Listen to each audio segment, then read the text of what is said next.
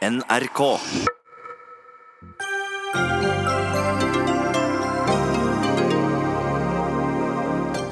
Hun eh, klarte ikke sitte stille og se på kritikken mot Knut Arild Hareide lenger. I dag tok tidligere KrF-leder Valgjerd Svarstad Haugland bladet fra munnen. Kritikken mot prosessen Hareide leder er for lettvint, mener hun, og ber KrF la partilederen få lede partiet. Vil du ikke vente på fastlegen og orker ikke dra på legevakta? Ring en lege og få henne hjem for 1300 kroner. Disse tjenestene ødelegger for det offentlige helsevesenet, mener Nasjonalt senter for distriktsmedisin. Unge nyutdannede med fast jobb og god lønn kommer ikke inn på boligmarkedet. Hvorfor skal de være avhengige av foreldre med god råd for å kjøpe seg en leilighet? Og idrettspresidenten bør gå av, mener VG-kommentator etter krass kritikk fra Riksrevisjonen. Nei da, nå skal alt bli mye bedre, lover Idrettsforbundet.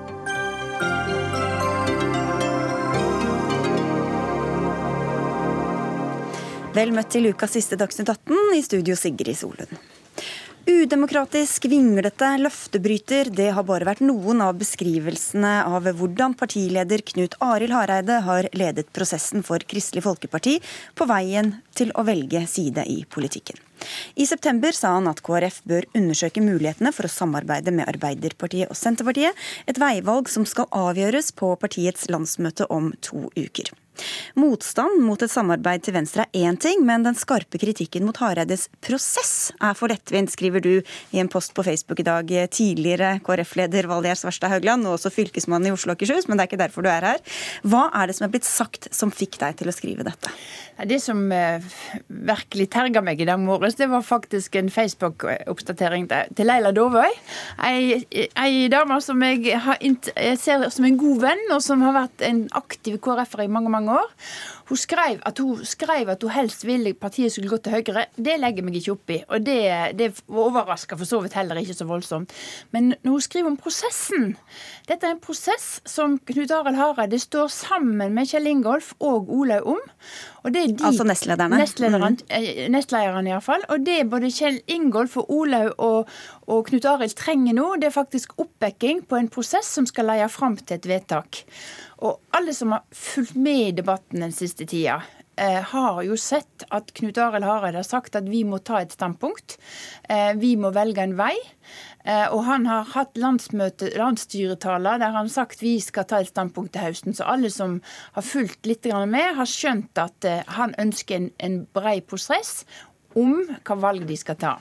Jeg vil bare nevne at Vi har også invitert Laila Dovøy, hun takket nei til å komme. Men det du sier er altså at det som han har sagt har vært så forutsigbart at det ikke er grunnlag for å kritisere selve prosessen. Nei, altså, altså Standpunktet hans eh, kom sikkert overraskende på mange. Det, det ser jo jeg òg. Men prosessen fram den har vært grundig. Nå reiser de rundt to og to, slik at begge to skal få lov til å forfekte sitt syn. Og jeg syns at partiledelsen oppfører seg forbilledlig i forhold til den prosessen som skal leie fram til et eh, landsmøtevedtak i november. Hva mistenker du ligger bak kritikken mot prosessen som mange er kommet med? Nei, jeg, jeg har jo en del år i lederposisjoner. Jeg har ledet en del omorganiseringsprosesser. Eh, og jeg opplever, jeg har alltid opplevd at eh, når folk er uenige med meg i den konklusjonen jeg er nødt til å trekke, så begynner de å klage på prosessen. Eh, eh, det tror jeg eh, neste taler, Anne Råd Reit, kan, kan, faktisk understreke. Vi han tok over som kirkeverge etter meg, og der setter jeg i gang en stor prosess. Og de som var uenige med meg, de klagde på prosessen når de ikke hadde argumenter nok imot. Mm. Og det er slike ting jeg tenker en skal holde seg god for å ta prosessen. Jeg, jeg er veldig tydelig på at jeg sier ikke hva jeg mener sjøl. Jeg er òg veldig tydelig på at jeg eh, skjønner at folk har forskjellige standpunkt. Men Knut Arild har gjennom mange uker opplevd å bli kalla både vinglete og svak. Og hva vei vil han gå? Og liksom de har etterlyst. Og så har han gjennom lang tid kommet fram til et standpunkt som han kom med. Og så, når man er uenig i standpunktet hans, så er det prosessen som er gal. Okay. Jeg skal vedde på at hvis Leila hadde vært enig i Knut Arild sin prosess, nei, sitt, standpunkt, så hadde hun ikke sagt noe ting om prosessen. Det er mye intern sjargong og fornavn her. Ja. Du er allerede introdusert. da. Robert Wright, du er altså KrF-medlem og kirkeverget i Oslo. Har hatt uh, mange verv i partiet og vært kritisk til nettopp prosessen. Hva sier du da om at dette er en lettvint kritikk som egentlig bunner i noe annet? Nei, Jeg mener at det er helt feil det som blir sagt. Dette kommer som en meget klar overraskelse. At partiet og partilederne har vært utydelige på veivalg, ja det er vi enige om. Og det er jo det som var kritikken før valget. Og så skal vi altså nå, ett år inn i perioden, plutselig starte en prosess. Den burde komme før valget, eller eventuelt om et par år. Og det, det, og det som er spesielt, er jo at prosessen er ikke forberedt. Den er ikke forberedt. Det er ganske spesielt når vi får vite at eh, de nestlederne ikke visste om dette før dagen før. Stortingsgruppen har ikke vært med på prosessen, og så plutselig kommer dette. Eh, og det snakkes om at det skal være en intern prosess. Jeg oppfatter jo egentlig at når det går ut sånn som det går, eh, går ut, så, så, er det også med på å kneble prosessen og si at de som mener noe om prosessen, nei, de bør tie. Det går ikke. Men bare for lov å si at det at ikke nestlederne visste om standpunktet hans, det, det tror ikke jeg er sant. men det er noe så. Om prosessen? Eh, hvis, hvis eh, de, de, hadde jo lagt opp en prosess i forhold til de skulle reise i, i laget i, rundt omkring i Norge. Men, eh, men eh, jeg vet ikke hvor aktiv du er i KrF, om du har noe verv eller noe sånt der lenger, men om du er passiv mening som oss. Slik at vi som er passive med, medlemmer, vi leser jo aviser, og vi hører hva som blir sagt. så det er har... ikke det at du har en hotline inn til Hareide og har skjønt mer av hvilken jeg, vei det bar enn andre? Ingen, jeg hadde ingen kontakt med han før han gikk ut med, med, om men, dette her. Men jeg, men jeg har snakka med han etterpå. Jeg traff han under Stortingets åpning. Og, jo, men poen, poenget mitt er egentlig at det er klart at eh, argumentene våre er òg vinkler av hva men, vi egentlig men ta, mener. Ta noe annet, for Det er jo egentlig prosessen i forhold til hvordan denne prosessen kjøres. Altså Dette er jo ikke noen vanlig prosess. Det er altså et lite parti som skal ta et oppgjør med seg selv og finne ut hvor man skal. Men så legger man altså en prosess som er så åpen i hele sin struktur at vi altså kan, eh, med hjelp av kanskje folk som ikke engang er medlem av partier, velte en regjering. Det er ganske spesielt. Jeg tror, tror aldri det har skjedd før. Tror du at du hadde vært like kritisk til prosessen hvis, hadde, hvis han hadde landet på motsatt standpunkt? Det klarer jeg ikke å svare på det. for det ligger det jo litt i det, det Svarstad Haugland sier, jo, at det er andre motiver bak. Jo, men altså, vi diskuterer jo, jeg tror i og for seg det ligger under hva vi mener, uansett om vi nå sier det eller ikke. Men, men det som er helt klart, at her er det en ganske dramatisk situasjon hvor et lite parti som er eh, akkurat i vippeposisjon, skal velge å ta dette oppgjøret. Og, og det i en periode hvor altså vi har en regjering som nå til og med har blitt bestyrket på sentrumssiden med Venstre, okay, og så plutselig så er man ja, inne i den, ja, i den jo, men, men det er likevel det er noe i forhold til hvordan vi som et parti kjører en struktur som får nasjonal betydning, som gjør plutselig at kanskje til og med Stortinget får en annen politisk farge enn det har men, i dag. Men hvorfor kan man ikke være uenig både i prosessen og i eh, veivalget uten å bli anklaget for å ha skjulte motiver? Svarstad Haugland? Mitt poeng i forhold til det som du, Robert Reit nå sier, det er det at det eneste som hadde vært riktig for Knut Arild Hareide, det var å løfte debatten for veivalg, og så skulle han tatt et veivalg å gå i regjering med Høyre. Da hadde prosessen vært Nei. god. Og Poenget for meg er å si at han har lenge sett hvordan situasjonen til partiet nå har vært veldig tung i lang tid. Og så har han altså tvilt seg fram til et standpunkt. Og det er klart, det er jo veldig eh, et, et, et veldig annet standpunkt enn partiet Men det er flere enn White som ble overrasket ja, ja. over det, over at han gikk ut sånn som han gjorde, altså, og, og konkluderte? Konsekvensen av det er regjeringer faller som regel for eget grep. Her skal en regjering som på en måte har gjort alt de kan for dette partiet, falle i så fall. Men når skulle Hareide gått ut? Når skulle han tatt denne prosessen? Ja, denne debatten har vi jo ønsket før vi hadde forrige stortingsvalg. Så den kommer for sent? er det det, det du sier? Den kommer for sent, eller eventuelt for tidlig eventuelt i forhold til neste eh, ja, periode. Det passer vel aldri, egentlig? eller? Jo da, det passer absolutt. Det, for det som er noe spesielt, det er jo nå at også eh, hele prosessen skal nå føre fram til at stortingsrepresentantene våre de skal på en eller annen måte presses til å mene det som et, eh, et ekstraordinært landsmøte skal mene. Nei, det, det, blir veldig spesielt. De er tross alt valgt på et program som de sa ja til og stilte bak når de ble valgt. Nå skal vi plutselig forandre spillereglene. Det blir veldig spesielt. Så er De selvfølgelig, de er frie representanter, selvfølgelig er de det, men vi må forholde oss til det landsmøtet gjør. Og Da er, prosessen veldig spesiell der vi befinner oss nå. Altså, Disse som er valgt på Stortinget, de er valgt på et program, og de er valgt på noen uttalelser i forhold til regjering. Eh, og Så skal ikke jeg gå mer inn på det, eh, men de hadde en åpen løsning ut ifra eh, hva valg de skulle ta i parlamentarisk retning. Ja, Men da må jo saker. Og så eh, vet vi ikke vi hvordan partiet har tenkt å følge opp dette etter et vedtak. Men det som eh, Knut Arild Hareide har sagt, er at han ønsker å forhandle seg fram til en regjering mellom Arbeiderpartiet og sentrum. Men det er jo ikke sikkert at dette skjer med en gang. Altså, De har bare gitt en retning. Skulle han nå sagt at jeg ønsket samarbeid med, med sentrum Arbeiderpartiet, og så skulle en vente tre år før en tok en beslutning? Altså, En prosess kan ta mange, lang tid, han kan ta kort tid. Men, men Hvordan kan det ha vært så forutsigbart når han for ett år siden sto og pekte på Erna Solberg? Hvordan, hva er det han har sagt og gjort som var så forutsigbart at, at nå kom det til å komme en eller annen ny løsning? Altså, hvis jeg skal eh, minne dere om hva han sa, så sa han at vi peker på Erna Solberg som statsminister, men vi vil ikke inn i regjering med Frp. Og Erna Solberg mm. valgte Frp. Uh, og det uh, har han uh, tatt konsekvenser av, fordi at Frp ønsker ikke han å gå regjering med. Jo, Men det, det var den regjeringen som satt før når, når, han pekte på Erna, så var hun statsminister med en Fremskrittsparti ja. parti, eh, og uten Venstre, som nå etterpå har kommet i. Det burde gjøre det mer spiselig. Jo, men han, han, signaliserte allerede i våres også at partiet måtte ta et veivalg, og dette har ja. vært etterlyst ganske lenge. Ja, men det er veldig, ja da, og det, som jeg sier, men det gjør man naturlig før de store valgene. Og nå er vi altså midt i en Vi er ett år inn i en periode hvor, hvor, valget var tydelig, og vi valgte å gjøre det vi gjorde. Og så skal vi plutselig gjøre noe helt annet. Det er lyst, ganske overraskende for de lyst, som har valgt det KrF. Du har lyst til å minne om at eh, en har fire år tilbake bak seg før dette ene året, der en hadde en avtale med regjeringa. Og Endringa etter valget var at en ikke gikk inn på en avtale, men skulle samarbeide fra sak til sak.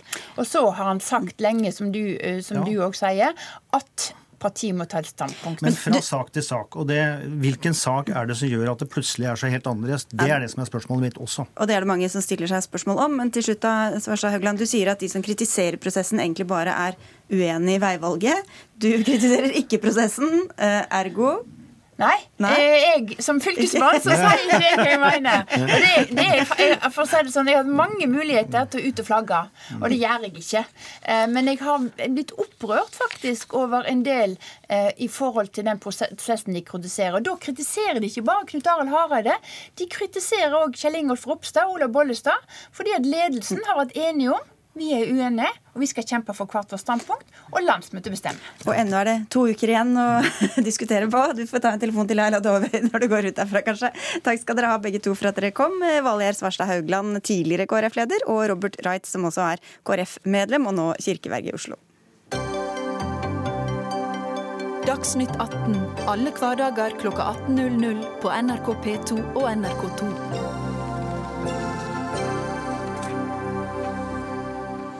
Det har eh, stormet rundt eh, Norges idrettsforbund NIF en stund, og det ble ikke stillere denne uka.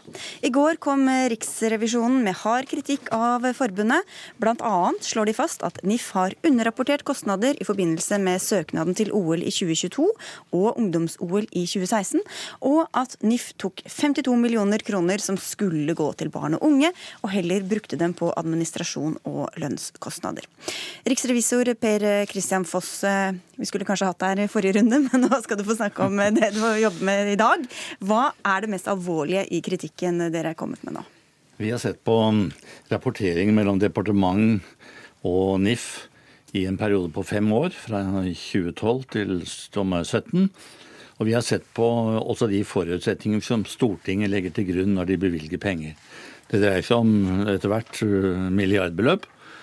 Eh, og vi har konstatert at NIFs styring og forvaltning ikke er god nok for målrettet og effektiv bruk av spillemidlene, etter vår oppfatning. Hva, hva, eh, betyr det? Vi vet vi ikke om pengene er brukt godt nok, eller godt til det de skal? Eller hva ja, godt til det de skal er kanskje særlig det viktigste.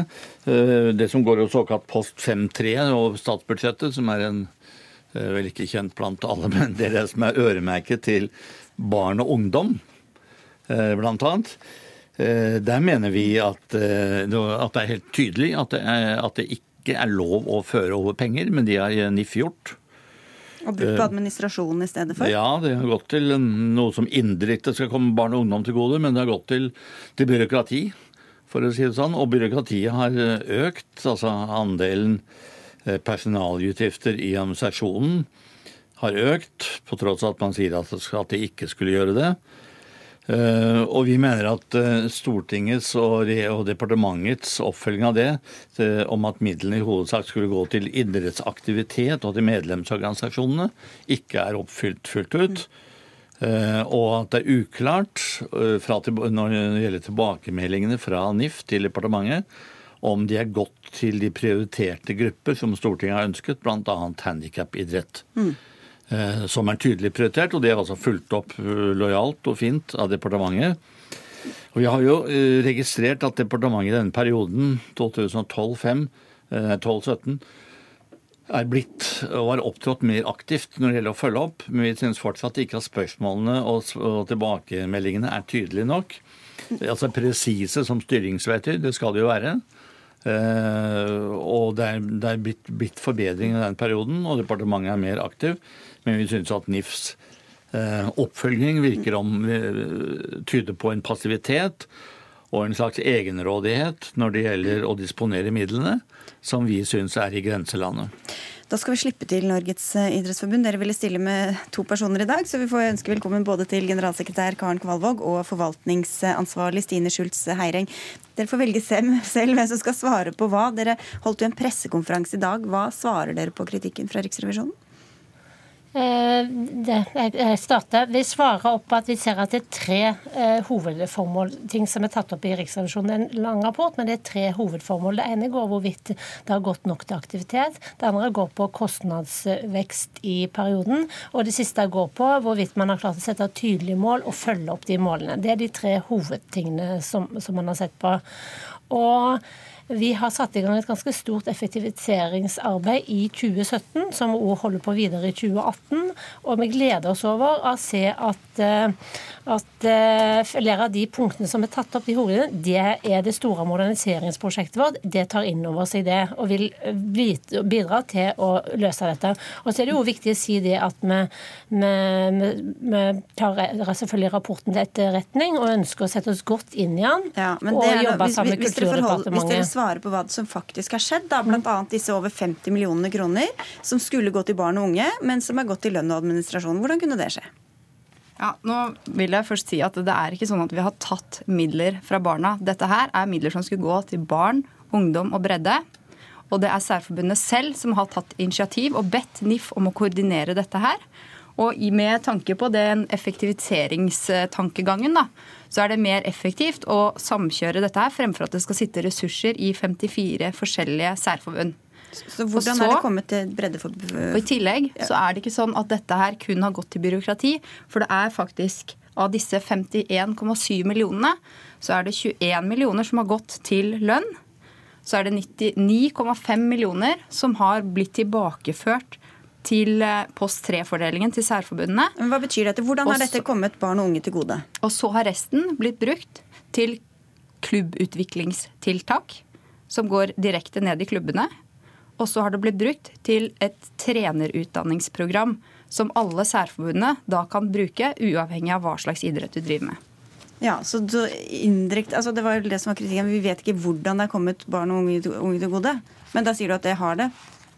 De midlene man snakker om her, det er helt feil at det er brukt for å bygge byråkrati. Dette har kommet eh, barn og unge til gode gjennom, ut, eh, gjennom trenerutvikling og klubbutviklingsprogrammer som Særforbundet har bestilt av NIF. Men er det, eh, Foss, er, det, er det, ikke tydelig hva pengene er gått til, eller hvordan skal Nei, vi klare Tilbakemeldingene er ikke tydelige, og veldig mye har gått til å dekke over, store overskridelser på IKT-prosjekter. Det er vel det man kaller moderniserings programmer lignende. Det pleier å skjule seg bak slike begreper. Eh, og tilbakemeldingene syns jeg i forhold til hva departementet ber om, er vært for dårlige til å kunne si tilbake til Stortinget eh, bevilgningene er gått til det mål de var, de var ment for. Ja, Så det er ikke helt gjennomsikt, det er ikke lett å skjønne, egentlig? da, og, og Det er ikke godt nok dokumentert eller rapportert om hva pengene er gått til? virker det som? Her snakker man om to forskjellige ting, minimum. Man snakker for så vidt om tre ting. og du sier at Moderniseringsprosjektet vi snakker om, det startet nå ved årsskiftet. så det er en tredje ting. Men de 53 millioner hvor det faktisk er 21 millioner som er lønn, det, der kommenterer ikke Riksrevisjonen sånn som vi ser det, at det er vanskelig å måle.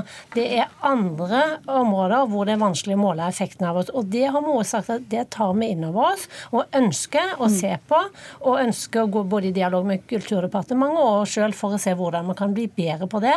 Og det vil vi, Moderniseringsprosjektet vil svare på to ting. Det ene er digitalisering der, hvor vi får en medlemsdatabase som gir oss et helt annet grunnlag for å kunne måle framover, og at vi får en enhetlig styring i hele norsk idrett. Ok, Vi skal koble på deg også, Leif Welhaven. Du er kommentator i VG, og dere har jobbet med både dette og med hele pengebruken i NIF og hatt mange saker om dette over lengre tid. Hva mener du at denne rapporten viser? Altså først og fremst så underbygger denne rapporten hvor viktig det var å ta tak i eh, pengebruken og ukulturen som hadde utviklet seg i Norges eh, idrettsforbund eh, over tid.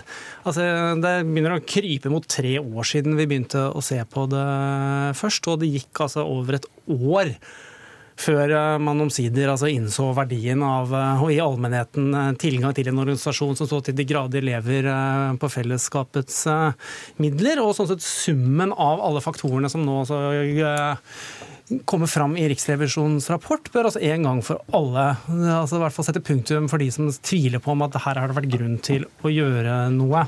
Men det at pengene ikke nødvendigvis kan følges sånn fra krone til krone, se hva som er brukt til eller hva, det, hva vi har fått av det, betyr ikke nødvendigvis at det er sløst med penger, eller at det er lurt med penger, eller Altså, Brukt feil, eller? Altså, jeg tror De ulike enkelthetene her får sånn sett også Riksrevisjonen og NIF eh, krangle om. Hvis vi ser altså på summen over tid og det store bildet her, så er altså antallet eksempler på uvettig pengebruk som er grundig dokumentert i NIF, eh, altså svært høyt. og dette er altså bevisste valg som er tatt uh, over tid. og sånn så synes jeg det er litt sånn rart at Norges idrettsforbund stiller med to personer her, men de stiller altså med to administrativt ansatte. Karen Kvalevåg altså ble ansatt etter at Inge Andersen fikk sparken, og er den som på en god måte skal, altså skal rydde opp i dette her. Jeg syns det er svakt, jeg syns det er feigt at ikke den politiske ledelsen i Norges idrettsforbund er her for å stå til ansvar for det som som er avdekket. Uh, idrettspresidenten er på et, uh, et jobbarrangement, en, en jobbrepresentasjon, og stiller derfor ikke i dag. Men hva mer har du å si til kritikken fra Welhaven? Om uvettig pengebruk, og ja, hvis du ser det større bildet her? Eh, det større bildet, det Uvettig pengebruk det er jo ikke noe som Riksrevisjonen har tatt opp i denne rapporten. og Nå ønsker jeg at vi skal kommentere på Riksrevisjonsrapporten her i dag.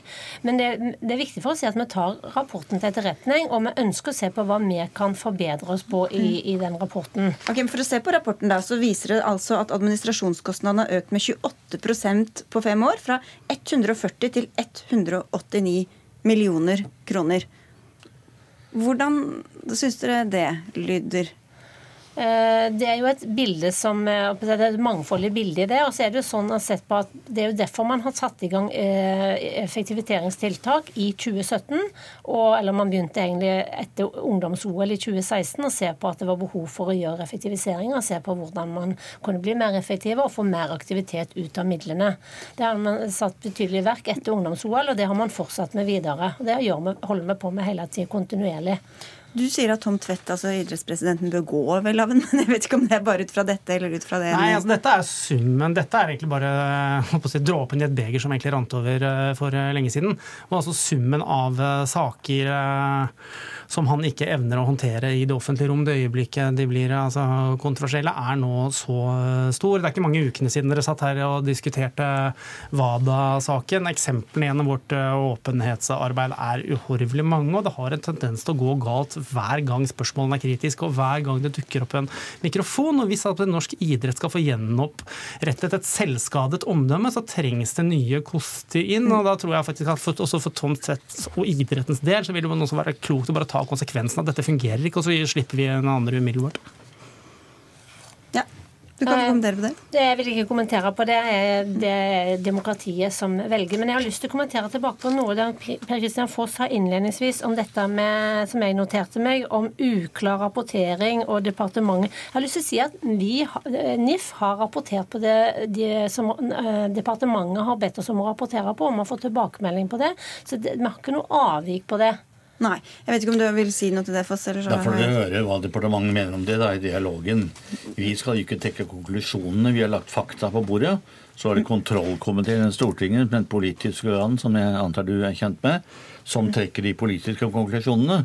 Men en eh, organisasjon som får stadig større del av sine overføringer brukt til administrasjon, det er, det er et sykdomstegn når, når, myndighetene har forutsatt at mer og mer skal gå til medlemsaktiviteter, særlig for barn og ungdom og handikapidrett. Ja, for du, det, disse summene jeg nevnte, altså denne administrasjonskostnadene med en økning på 28% Du har jo vært bortom et par eh, budsjetter, for å si det sånn. Hvordan, hvordan eh, ser det ut for deg? Nei, for meg, Nå må jeg gå litt utover denne rapporten, men for meg minner dette litt om en, ganske sentralstyrt organisasjon som pleier å være glad i å bygge opp de sentrale byråkratier, eller kall det hva de vil, administrasjoner, da, personalutgifter, eh, og ikke sender det nedover til, eh, til breddeidretten. Og Det er jo noe som er stikk i strid med alle politiske partiers signaler i Stortinget. Ja. ja. Jeg vil gjerne bare kommentere på to ting som du sier der. Og det, det ene det er knyttet til rapporteringen. Og dere har jo omtalt ganske mange forskjellige departementer og revisjoner i dag. Og alle er jo delt inn i fire kategorier, hvor det går fra svært alvorlig, alvorlig, svært kritikkverdig og kritikkverdig. Og NIF og Kulturdepartementets gjennomgang havner i den mildeste av de fire kategoriene. Ja, Det skal du være glad for. Og samtidig så er det sånn at uh, det presiseres i rapporten at uh, rapporteringen ikke har vært korrekt knyttet til enkelte prosjekter. Dette har også blitt fremstilt nå, uh, senest her i dag, som underrapportering. Og det vi har bare sagt, vi har rapportert alle kostnader til departementet. Alt er rapportert. Jeg sa det skal være glad for at det bare er kritikkverdig, men det, la meg si det sånn, det at det er kritikkverdig, det skiller ut fra resten av forvaltningen, for det er lite nå har vi gått gjennom hele forvaltningen i et år. Det er lite som er kritikkverdig eller noe mer. Uttrykket 'svært alvorlig' brukes bare dersom det er fare for liv og helse. Og Det er selvfølgelig ikke i et eh, finansiell rapportering eller finansiell revisjon. Vi får la det være med det, og så får dere lese rapporten og se hva som blir utfallet etter hvert. Takk skal dere ha alle fire for at dere kom, Per Christian Foss, riksrevisor, Leif Welhaven fra VG, og Karen Kvalvåg og Stine Schultz Heiring fra NIF, altså.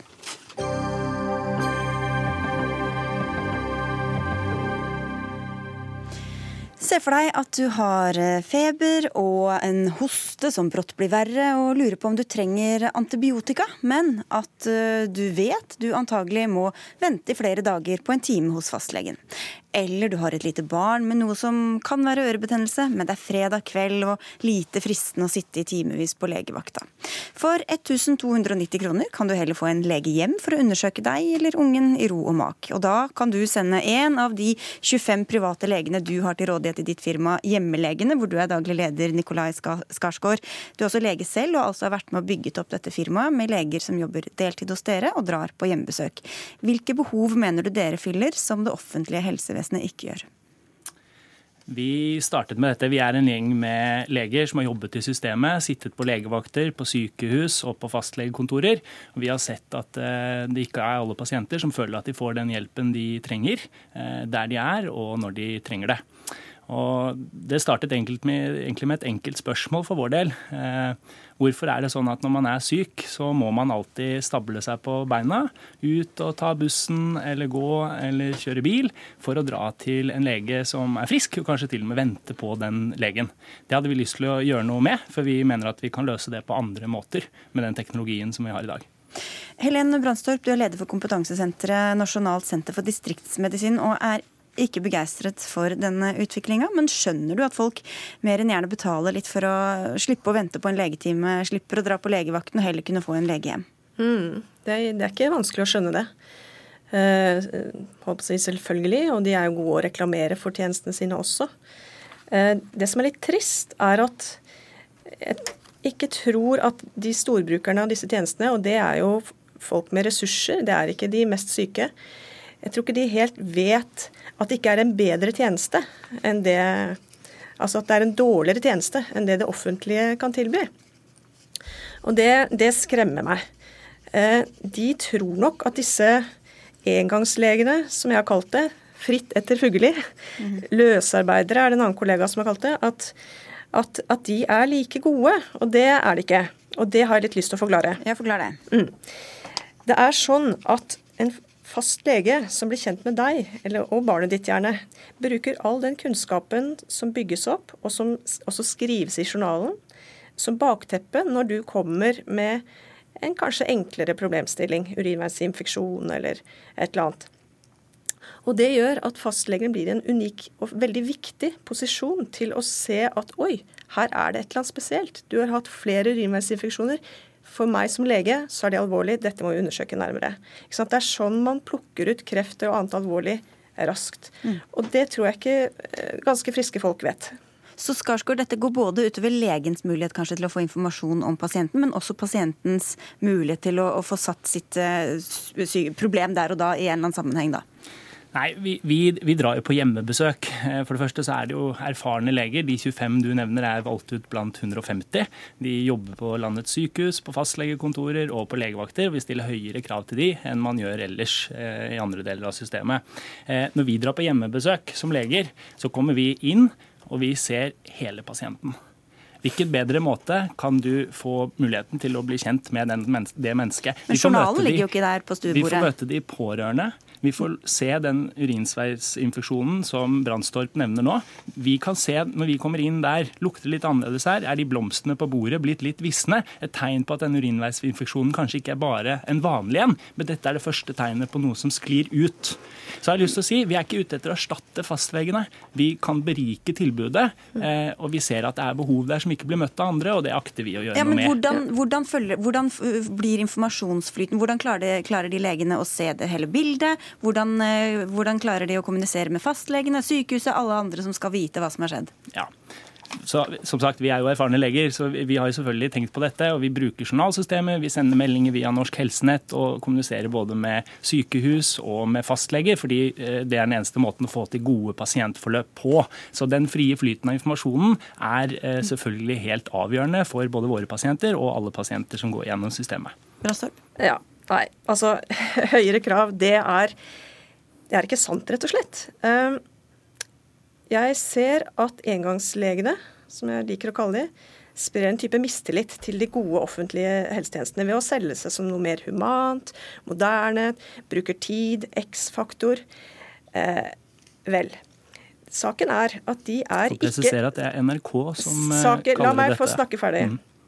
Saken er at fastlegetjenesten Legevakttjenestene er offentlige ordninger som er strengt regulert og bygget opp i et veldig godt samarbeid mellom myndighetene og fagfolk i Norge. Det er slik vi bygger helsevesenet i Norge, som er liksom blant verdens beste. Eh, og er du fastlege eller jobber på legevakt i Norge, så har du krav til å jobbe i visse systemer med viss kvalitet, forankret i kommunen. Du har i tillegg krav på å være i spesialisering. Du skal jevnlig trene med andre eh, helseaktører. Eh, og alt dette sikrer jo da at det er gode tjenester i alle deler av landet, i by og land. Det kan vi ha tillit til. Men, men, hvis det er sånn, at, og det er du også enig i, at det er for få fastleger, de har kanskje for mange pasienter, det er mangler i det offentlige helsevesenet. Hvorfor kan man ikke bare da se på dette tilbudet som en ressurs, i tillegg til det eh, tilbudet man også får fra det offentlige? Ja, Som helsetjenesteforsker så, så har jeg faktisk litt svar fra det òg. fordi vi følger jo med på hva som skjer i andre land, og dette er kommet lenger både i Sverige og England. Og Rapportene derfra viser at dette ikke avlaster fastlegene i en viss grad så kan vi faktisk si at det belaster fastlegene. Og det er fordi at alle helprivate tjenester må bruke fastlegene som sikkerhetsnett.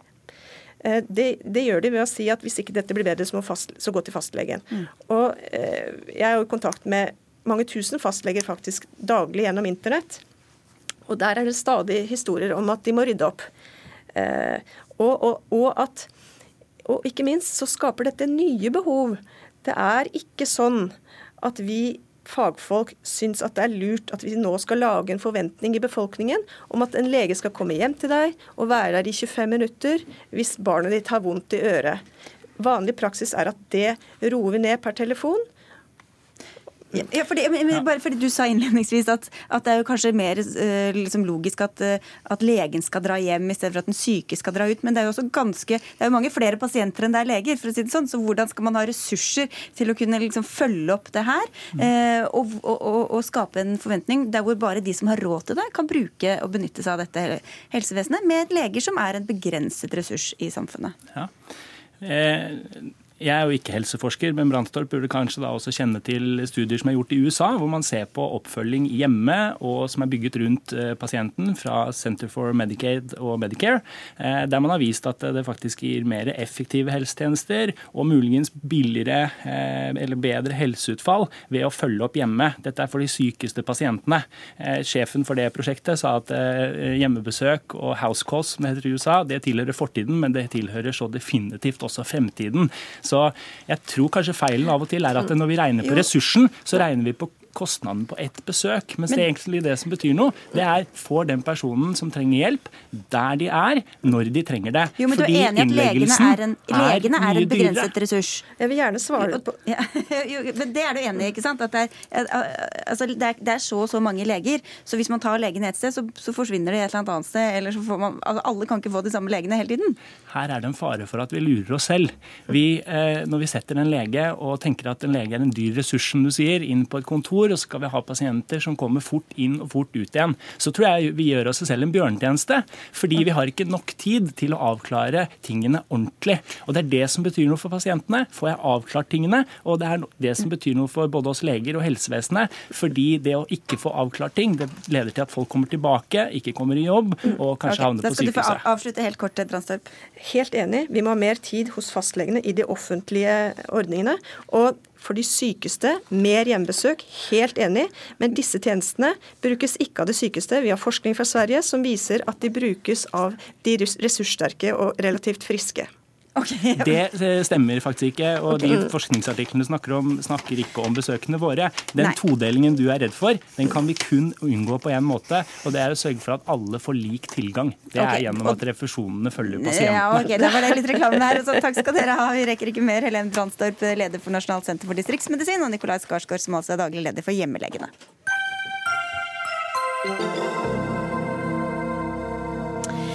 I dag kunne kvinner over hele landet lagt ned arbeidet, gått hjem og tatt fri resten av året. Det vil si i hvert fall hvis det skulle vært likelønn mellom menn og kvinner. For det er fortsatt slik at kvinner i gjennomsnitt tjener 86 øre for hver krone en mann tjener, så sånn kan man si at fra og med i dag jobber kvinner gratis ut året. Og med det markeres i dag likelønnsdagen i Norge.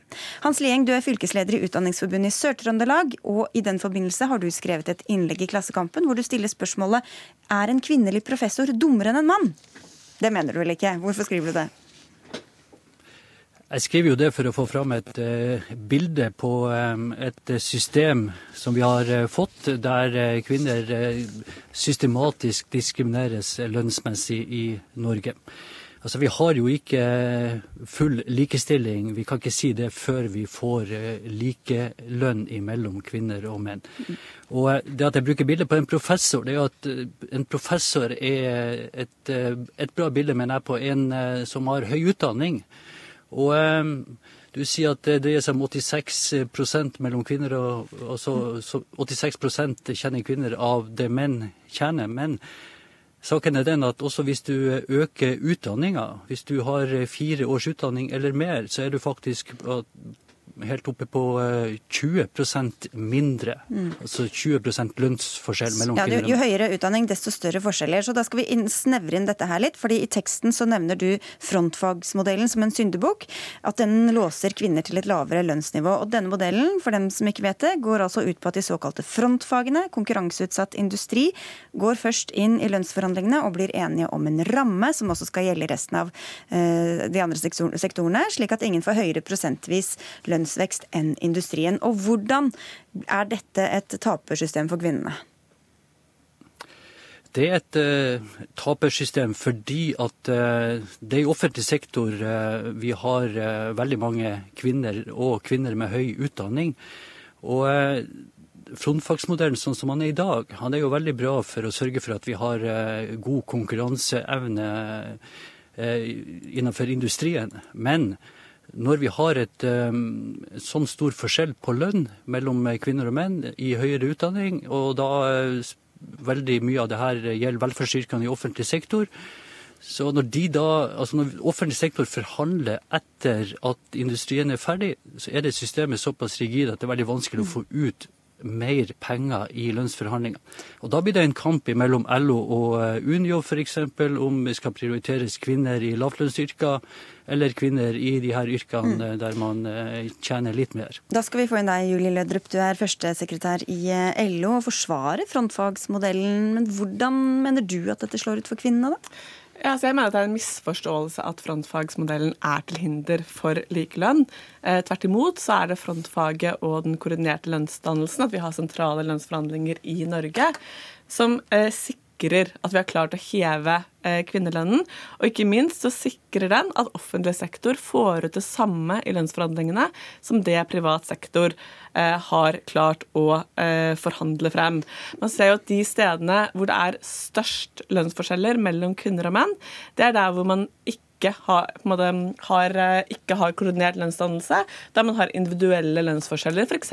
i finansbransjen og andre steder der folk gjerne har høy utdannelse, men der det er lite sentrale lønnsforhandlinger. Men det har vel ikke blitt så mye bedre de siste 20-30 årene mens vi har hatt denne frontfagsmodellen. Så hvordan kan du si at eh, kvinner har tjent på det?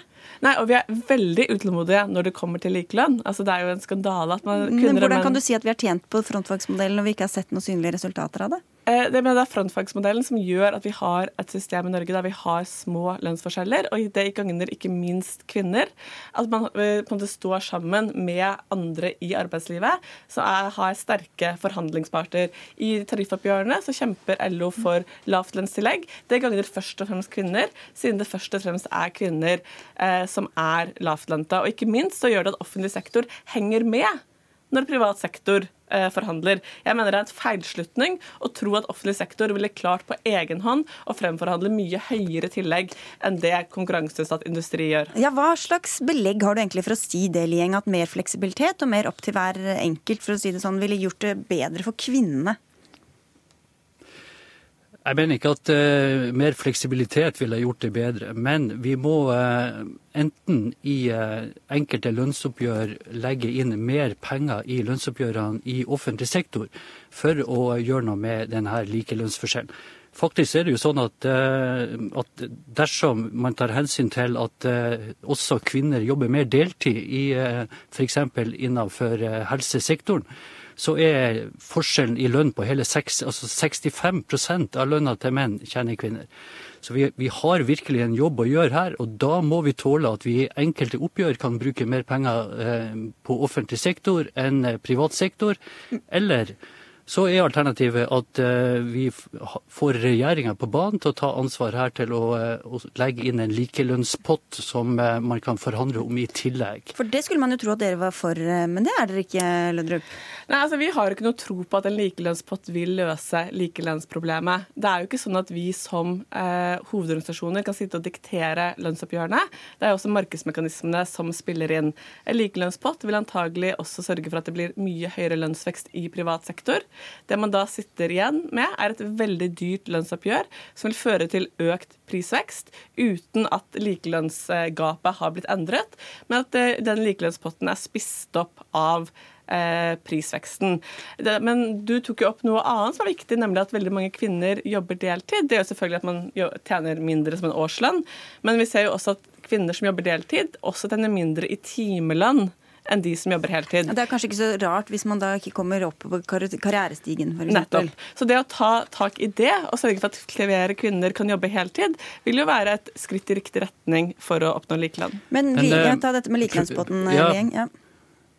ja. jeg vil bare si det at det, det som er problemet med markedskreftene, er jo det at eh, når det gjelder offentlig sektor og f.eks. utdanning, helse, så har de her kreftene en tendens, en tendens til å ikke virke. For der, Det man gjør der, det er at man, eh, når man ikke får tak i kvalifisert arbeidskraft, så senker man heller kravene til kompetanse. Så løser man det på den måten. Så eh, det er noe et eller annet med markedskreftene her som gjør at vi heller ikke ved hjelp av dem får utligna de her lønnsforskjellene. Og Det er jo mange... Eh, det samme gjelder f.eks. Ved, ved tilsettinger. Så, eh, så er det også en tendens til at kvinner får lavere inngangslønn enn menn, fordi at de står ikke på nok for å kreve lønn. Og Her må både arbeidsgivere og ja, partene generelt ta ansvar. Ja, og Det er jo mange problemer med markedskreftene, og det er derfor vi vil tøyle dem med sentrale forhandlinger der offentlig og privat sektor står sammen. Eh, for da kan man føre til en, eh, jobbe for en rettferdig lønnsvekst for alle, som er økonomisk bærekraftig, og der offentlig sektor ikke taper eh, etter, men følger frontfagene, følger det privat klarer å forhandle frem. Jeg tror vi må si at det var dagens frontfagsdebatt, og ønsker god helg til dere, Julie Lødrup fra LO og Hans Lieng fra Utdanningsforbundet. Hør Dagsnytt 18 når du vil. Radio NRK Radio.nrk.no.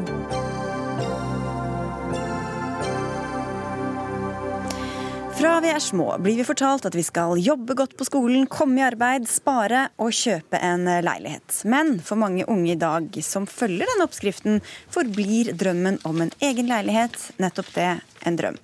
For selv for mennesker med lang utdanning og gjennomsnittlig inntekt blir det umulig å kjøpe seg et sted å bo. En nyutdannet eh, sykepleier, lærer eller politibetjent med en grunnlønn på drøyt 450 eh, 000 kroner og et lån på rundt 2 millioner kommer ikke langt i Norges største byer hvis de ikke har en samboer eller får hjelp fra foreldrene. Lotte Rogn Jacobsen, du har jobbet som sykepleier i vel ett år, og er en av mange enslige som står eh, og har lyst til å kjøpe deg en bolig, men ikke får det til. Hvordan gikk det da du skulle ut og prøve å kjøpe deg en bolig i Oslo? Nei, altså Vi skulle jo da se litt uh, Altså, jeg har vært nyutdanna nå i et år. 80% fast stilling. Uh, fikk et uh, lån da på 1,7 millioner. Uh, da vi da gikk inn på nettet og søkte på Finn for å se hva jeg kunne få i Oslo, siden jeg jobber her i Oslo, så er det her jeg da ønsker å bo, var det 15 15 eiendommer som kom opp, men det var kun Altså, alle var parkeringsplasser, da. Ja, Du hadde ikke så lyst til å bo i en garasje? Nei. Nei. det blir litt kaldt. Okay. Men det er jo sånn, de færreste har råd til å bo midt i byen. Eh, hvor langt ut søkte du, altså uten at man trenger å være lokalkjent i Oslo? Hvor mange kilometer vekk fra bysentrum var det dere søkte? Vi så jo da at vi fant jo ingenting i Oslo. Så det nærmeste vi fant til 1,7, det var eh, Eidsvoll og Nannestad i Akershus. Eller så var det tomter da, i Østfold. Mm. Og det blir jo litt lang reisevei. Da ja. kan det bli fort en time. En time hver vei. Mm. Eh, hvis du skulle spare, da? Hvor, hvor, lenge måtte du spart for å få råd til å kjøpe deg en leilighet? Det Det er kanskje 10-20 år, da? ja, vi, okay. vi, sier noe sånt. Mm. Daniel Kjørberg Sirai, du er konsernsjef i Obos og forvalter altså rundt 215 000 leiligheter over hele landet. Hvor representativ er, er denne historien? Jeg tror den er ganske representativ for, eh, for veldig mange unge, og ikke bare ungdommer som Lotte. men det er ganske mange som er i en familiesituasjon. Det kan være at man flytter fra hverandre. Det skjer ting på privaten som av ulike årsaker man kan ha kommet ny til landet. Eh, mange av våre nye landsmenn som har kommet til som fly. Det er veldig mange som mangler den, enten ikke har egenkapital nok, eller har økonomisk evne til å kjøpe den boligen som de og familien trenger. Så det, så, og dette tror jeg bare blir en stadig større utfordring i en tid der boligprisene stiger i vekstområder som Lotte beskriver. Hun, hun Men ikke bare Oslo, det er Trondheim, Bergen, Trondheim, Bergen, altså Dette er jo et nasjonalt problem mm. uh, som, som, jeg mener at uh, politikere og næringsliv i sammen er nødt til å gjøre noe med nå. Nå har vi snakka lenge nok. Nå tror jeg at det er på tide å handle. Da får vi spørre dere, da, politikere som vi er glad i å stille til ansvar her. Mudassar Kapur, du er stortingsrepresentant, medlem av finanskomiteen for Høyre. Hva sier disse historiene og dette eksempelet om hvor godt boligpolitikken fungerer? Akkurat dette eksempelet er jo selvfølgelig eh, vanskelig for den enkelte. Men vi må nok se på uh, boligpolitikken som en helhet, og ikke ja, et øyeblikksbilde. Det er mange sånne enkelte, da. Ja, Dette det, gjelder jo flere enn bare henne. Ja. Og uh, Når det gjelder boligpolitikken, så må vi dele den i to. Du har tilbudssiden, og du har etterspørselssiden. Vi har nå prøvd å jobbe masse med tilbudssiden. Vi har fått opp uh, byggetakten, vi har fått ned byggekostnadene. Du må tilbake på slutten av 70-80-tallet for å se på mer igangsettelse av nye boliger. Vi har også tatt en del boligsosiale tiltak. Og der har vi prioritert de som er de svakeste mest. Det betyr at flere familier med varig lav inntekt, flyktninger, unge uføre, eh, får nå fullfinansiert boliglånet sitt. Men det betyr også at eh, for eh, personer som er nyutdannet, kommer til å ha betjeningsevne, så må de belage seg på å kanskje spare litt mer, bo, kanskje leie en liten periode. Ja, Men hvis man men sparer vi, 30 000 i året, så må, altså, da ja, men, men får man råd når man er 60 da, til å kjøpe seg en men det er nettopp derfor vi fortsetter byggetakten. Du må tilbake ganske mange år for å se flere nye boliger i markedet. Og så må vi også få gjort noe mer på det strukturelle. F.eks. her i Oslo så har vi flere ganger sagt at vi må eh, slippe opp slik at vi kan bygge flere små boliger. Men der er det et tak som byrådet i Oslo ikke vil ta bort. Eh, som gjør at vi ikke får bygd mer av det vi trenger aller mest. Så her er det eh, flere ting vi allerede har gjort, men vi fortsetter å jobbe med det. Altså, det er jo eh, Freidig er vel kanskje et begrep man kan bruke når regjeringen snakker om en sosial boligpolitikk og år etter år kutte bevilgninger til Husbanken, som er nettopp nå. er rammen redusert også nå igjen i forslaget til statsbudsjett. Så, og, og, det er tverrpolitisk. Eh, Høyre foreslo det først, deretter Arbeiderpartiet, når de satt i regjering, fjerna startlånsordningen for unge i etableringsfasen, sånn at det er kun en meget snever gruppe. Antall mottakere av startlån i Oslo kommune er redusert en tredjedel av Hva er startlån? Startlån er det lånet som kommunen formidler på vegne av Husbanken, som skal hjelpe de som ikke har så god råd, å komme inn i boligmarkedet. Som skal være et supplement til vanlige banker. Altså Du slipper og, å betale, betale, på Nei, du har en lavere rente, og du får låne litt mer. Ja. Og det var en veldig god ordning for å hjelpe unge inn i boligmarkedet i Oslo i gamle dager, men så har politikerne vært enige, og det skal man ikke drive med lenger. og ja. det det ser man konsekvensene Vi skal slippe deg også, Siri Gåsemyr Staalesen. Du er eh, stortingsrepresentant og boligpolitisk talsperson for Arbeiderpartiet. Og dette er altså, som vi hører, noe som har fått utvikle seg i løpet av mange år. Hvordan har dere kunnet la dette skje? Nei, Vi er opptatt av historier som eh, den Lotte forteller, og vi hører den jo over eh, hele landet, i andre storbyer òg. Og det at ulikhetene nå mellom folk øker, også i boligmarkedet, er vi veldig eh, opptatt av. Det kan ikke være sånn nå at man bare kan kjøpe seg bolig i by hvis man arver eller har foreldre som betaler. Nei, men Dette er noe som har utviklet seg i løpet av de siste 10-20 årene, eller i hvert fall så lenge ja, jeg kan huske. Vi mener at det er på tide å sette boligpolitikken høyt på den politiske dagsordenen.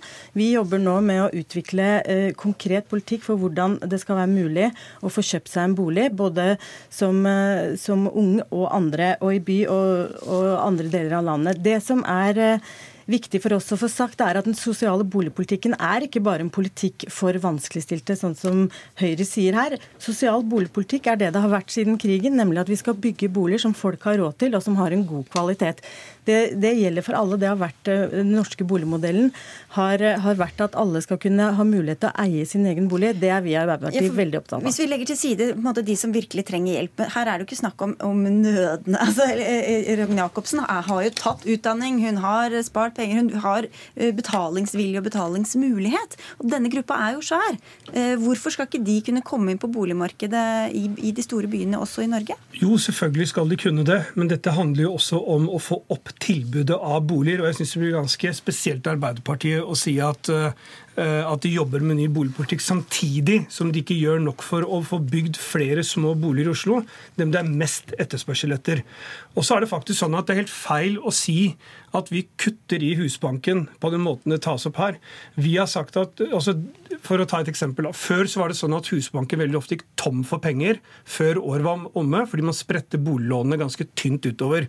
Og Det betød at på slutten av året så var det mange som faktisk trengte hjelp, som ikke fikk innvilga lån.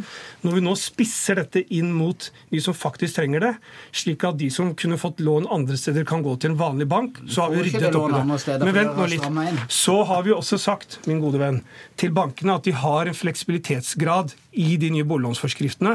Og den melder de tilbake at den bruker de først og fremst på førstegangsetablerere. Men du må ikke glemme det, programleder. Altså, da, da mener du at du ikke må ha 90 uh, Det betyr at du kan få fleksibilitet i forhold til krav om fem ganger inntekt, mm. belåningsgrad uh, og betjeningsevne osv. Men vi må ikke glemme, programleder, vi er i en situasjon hvor vi også har hatt bekymringsfull høy gjeldsvekst. Og det Arbeiderpartiet tar til orde for nå, det er å pumpe mer kreditt inn i et marked. Hva og hva skal vi gjøre da når renten går opp? Det er helt uansvarlig. Nei, altså, spørsmålet er skal vi behandle symptomene som Høyre her diskuterer, eller årsakene som jeg vil diskutere. Vi må bygge flere boliger. Det er svaret. Vi må bygge boliger. Vi må bygge flere boliger. Og det kan ikke være sånn at den generasjonen som skal kjøpe seg bolig nå, skal være den første generasjonen som får tilbud om dårligere boliger enn generasjonene før. Nå selges det boliger som er altfor små i Oslo. Jeg mener at det å ha en god en, eh, god bolig, eh, både størrelse og, mm, og andre forhold spiller inn der. Så det å knappe ned på leilighetsnormen er ikke nødvendigvis svar på det, så vil jeg si. Hva skal vi gjøre for å bygge flere boliger? Fordi, men bare bygge- for å spørre, fordi Du mener at hvis man bygger bare masse små boliger, så blir det en slags forslumming eller det blir dårlig standard? At det Ja, vi- ikke er en god løsning? Ja, vi mener det. Derfor så står vi for den. Så vil jeg bare si, vi, vi, jeg vil gjerne fortsette. Vi vil også bygge, lenge, jeg mener også at vi må bygge flere by, eh, boliger utenfor byene. Det må være skikkelig bykvalitet på de områdene som er rett utafor bygrensa, sånn at det er lett å komme seg til jobb. Og jeg mener regjeringa har gjort altfor lite i forhold til det at de nå har et momentum for å få bygd koll skikkelig kollektivtrafikk inn til byen. Vi har togstopp nå. Ja, så Kommuner får stasjoner fra, fra staten. Og istedenfor å bare fortette litt eh, ved en togstasjon med en Kiwi-butikk i første etasje, så mener jeg de kan bygge en skikkelig by. Det kan staten si. Her skal dere bygge by, her skal dere bygge mange boliger. Okay. Og folk skal kunne ha mulighet til å pendle inn til byen Kapur. hvor jobbene er. Dette, dette er ikke riktig. Når vi nå bygger disse store transportårene, så har vi faktisk som et krav at de eh, kommunene som får disse ordningene, også skal fortette. Vi, vi tar de nå dette det dobbeltsporet til Ski. Vent nå litt. Der har også faktisk denne regjeringen regulert 6 Ja, men ikke ta så lokalt. Vi har lyttere over hele landet, så det- vi må ikke snakke bare om Ski og Akershus. Oslo, men Ja, dette er jo, jo, jo. altså, vi, vi sørger for at pressområdene utenfor byene også får regulert nye Men jeg vil høre med deg, boliger. eh, Siraj, Dere skal jo drive også med altså, boligbygging for, hele, for alle mennesker. ikke sant? Det er jo litt av konseptet. Men, men annet ble det jo solgt en Obos-leilighet på Fornebu for, som gikk for 21 millioner kroner i fjor. Hvor blir det av deres sosiale sosialboligbygging så bygde vi denne leiligheten til 21 millioner og en til 28 også, men så solgte vi leilighet på, flere leiligheter på Ulven i Oslo nå. Eh, rett før sommeren, der eh, prisene var langt under to millioner. Den hadde faktisk eh, Lotte hatt råd til å kjøpe. Sånn at vi har, vi, selger, vi har en ambisjon at vi faktisk skal, og vi er villige til å ta i bruk vår evne til å bygge billigere. Og det kan vi gjøre alene, men vi kan ikke gjøre det helt alene. Putt mutt alene. Det hjelper ikke at Obos bygger noen få billige boliger. Vi må ha hjelp av politikerne. Det er med respekt å melde å si at folk skal flytte til Lillestrøm. Det er dyrere å flytte ut av Det er ikke dyrt å flytte ut av byen som å flytte inn i byen. Ja, hva er det du etterlyser fra disse Jeg, ønsker, jeg ønsker fra, fra deres side en felles ansvar. Jeg ønsker at de tar tilbake boligpolitikken fra finanspolitikken, slik at de diskuterer bolig som velferdspolitikk. Og Det betyr at skal folk flere eie sin egen bolig, så betyr det mer gjeld. Det er liksom en, det er matematikk. Eh, og det, Den matten tror jeg er, det er barneskolematte. Hvis du kjøper noe som du ikke, hvis du ikke eide noe før, og må ta opp lån, så har du mer gjeld enn før. Og Lotte vil da gå inn i kategorien ha gjeld fra ikke ha gjeld. Men hun får dekka et ganske viktig behov for seg, nettopp å eie sin egen Få bolig. med Lotte, som for øvrig også har et etternavn. eh, Ragne Jacobsen. Hva slags andre historier er det du får høre fra folk som er like gamle som deg? Hvordan opplever de andre som du også snakker med, dette problemet? Nei, vi har jo Vi tenker jo egentlig mye av det samme. Det er generelt vanskelig. Og det er jo kanskje lett å si at man kan flytte ut av byen. Og det er ingen menneskerett å bo innafor Ring 3. Det er vi også fullstendig klar over. Men når man, starter, når man slutter på jobb halv elleve på kvelden og starter på jobb halv åtte på morgenen, man jobber tredelt turnus, man jobber natt, man jobber kveld, man jobber dag, da blir det fort ganske tungt å kanskje ha en time eller mer med kollektivtransport da, inn med bytter til jobb og fra jobb på kveld.